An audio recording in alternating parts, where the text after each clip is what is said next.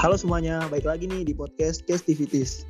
Pada kesempatan ini, kita yang beranggotakan Ramadan Firdaus, Ahmad Irfan, Izu Ataya, Ratu Tasya, Idam Setiawan, Mesu Piranto, sedang sharing nih bareng kalian mengenai kasus-kasus kekerasan yang hingga saat ini masih eksis di sekitaran kita. Tentu saja dari sudut pandang ilmu kriminologi. Bagi kalian yang baru aja ketemu podcast ini, selamat datang dan enjoy buat dengerin obrolan kita kali ini. Di episode kali ini kita akan membahas terkait fenomena kekerasan simbolik dalam relasi orang tua dan juga anak.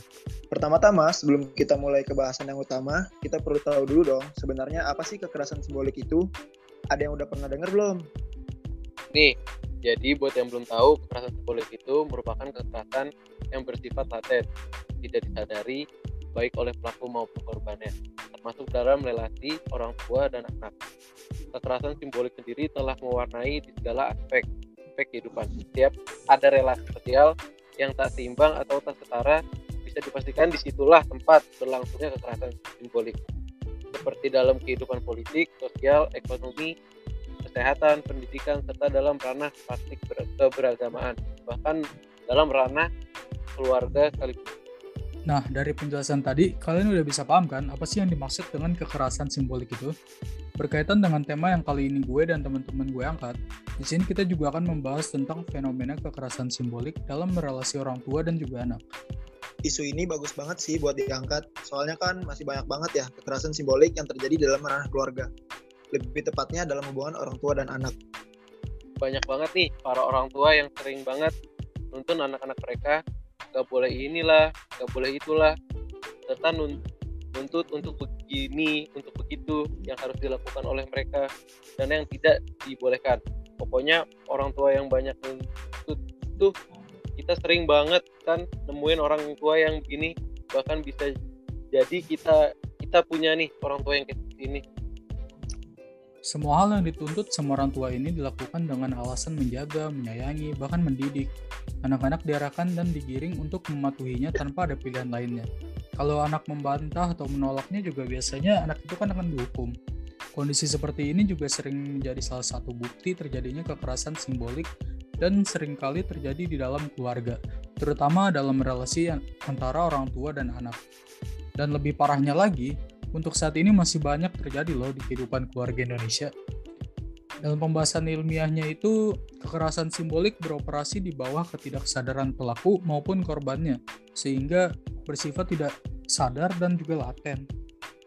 Pierre Bourdieu pada tahun 1930 sampai 2002 yang merupakan seorang sosiologi dan juga filosofis kritis membahas mengenai kajian yang dibawa oleh Bourdieu ini dan dinamai kekerasan simbolik karena dampak yang biasa dilihat dalam kekerasan fisik tidak kelihatan.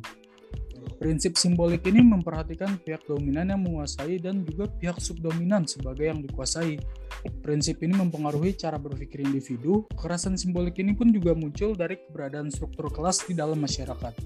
Nah, akibat dari adanya struktur kelas dalam masyarakat ini, yaitu terdapat perbedaan, pemisahan, dan ketidaksamaan, serta ketidaksetaraan ataupun ketidakseimbangan.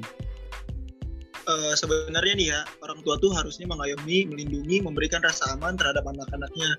Tidak seharusnya ada sikap kasar, tidak boleh menasihati dengan hardikan, ancaman, paksaan, intimidasi, atau hanya sekedar membungkam atau membatasi mereka untuk tidak berpendapat. Miris banget sih, seperti yang sudah dibahas di atas, kenyataan yang masih sering kita lihat adalah banyak orang tua yang bersifat superior di hadapan anak-anaknya. Mereka merasa lebih besar dan lebih baik dari berbagai segi kehidupan. Sifat orang tua yang merasa superior ini secara tidak sadari telah mengakibatkan orang tua memiliki diri sebagai pihak dominan. Mereka juga menempatkan diri sebagai penentu kebenaran atas sikap dan perilaku anak-anak. Nah, dari sini nih, semakin terbuka lebar peluang terjadinya kekerasan dalam hubungan orang tua dan juga anak. Banyak banget juga nih bentuk kekerasannya, kayak memukul, mencubit, nggak dikasih uang saku, nggak boleh bermain, membentak dan marah, dan juga masih banyak lagi. Meskipun cuma kata-kata, kadang itu juga bisa menjadi bentuk kekerasan loh. Biasanya kekerasan ini dilakukan oleh orang tua dengan alibi mendidik dan mendisiplinkan tanpa mereka sadari, itu menjadi sebuah bentuk kekerasan terhadap anak-anak mereka. merespon tindakan kekerasan yang dilakukan orang tuanya, anak-anak akan merasa sedih, tersinggung, bahkan marah. Namun mereka jarang berani untuk membela dirinya atau melawan kehendak, keinginan, dan harapannya. Saat ini yang ada dalam pikiran mereka bahwa melawan orang tua adalah perbuatan durhaka. Berani kepada orang tua adalah dosa, bahkan banyak yang pada akhirnya akan memaklumi tindakan orang tua mereka. Anak sering kali menyadari bahwa apa yang dilakukan orang tua adalah baik dan bertujuan untuk kebaikan diri mereka pada masa yang akan datang. Seperti itulah sesungguhnya kekerasan jika digambarkan dalam kehidupan orang tua dan anak. Kekerasan simbolik dalam relasi sosial antara orang tua dan anak dengan penggambaran sebagaimana di atas akan menguasai seluruh sisi kehidupan anak-anak, dari sisi nalar, sikap hidup, kondisi psikis, sampai tindakan nyata. Dari pemaparan yang sudah disampaikan barusan, ada beberapa solusi yang dapat digunakan untuk menyadarkan masyarakat dalam melihat kasus kekerasan simbolik ini. Bourdieu sendiri pernah mengatakan bahwa kekerasan simbolik adalah kekerasan yang sudah tertanam dalam kebiasaan dan sudah berlangsung dalam waktu yang sangat lama, sehingga tidak disadari keadaannya. Karena tidak disadari eksistensinya mereka, kekerasan semacam ini sulit bahkan seakan-akan tidak pernah bisa dihilangkan. Nah, senjata yang paling ampuh yang mula-mula untuk membuka tabir kekerasan simbolik adalah melalui kesadaran.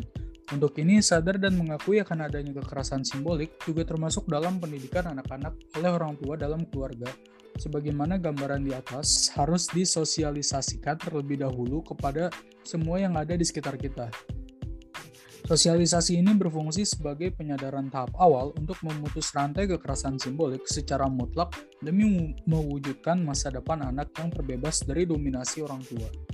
Cara lainnya adalah dengan pendidikan demokrasi dan pengembangan sikap paralel untuk mencegah berbagai bentuk kekerasan simbolik yang menimpa anak-anak dalam hubungan dengan orang tua. Selain itu, orang tua harus memberi contoh yang baik. Dalam menanamkan pengetahuan, moral, religiusitas, dan lain-lain seharusnya lebih mengedepankan prinsip-prinsip pendidikan demokratis, yaitu non-violence, toleransi, dan non-diskriminasi. Prinsip-prinsip tersebut antara lain terekspresikan dalam sikap menghormati, memahami, menerima, menghargai perbedaan, berhutang kepada orang lain, dan berempati atau mengalami mendalami penderitaan orang lain. Nah, gimana? Sekarang kalian udah tahu kan apa itu kekerasan simbolik? Khususnya dalam ranah hubungan anak dan orang tua. Nah, ternyata tanpa kita sadari, kekerasan simbolik ini juga sering kali hadir dalam relasi tersebut.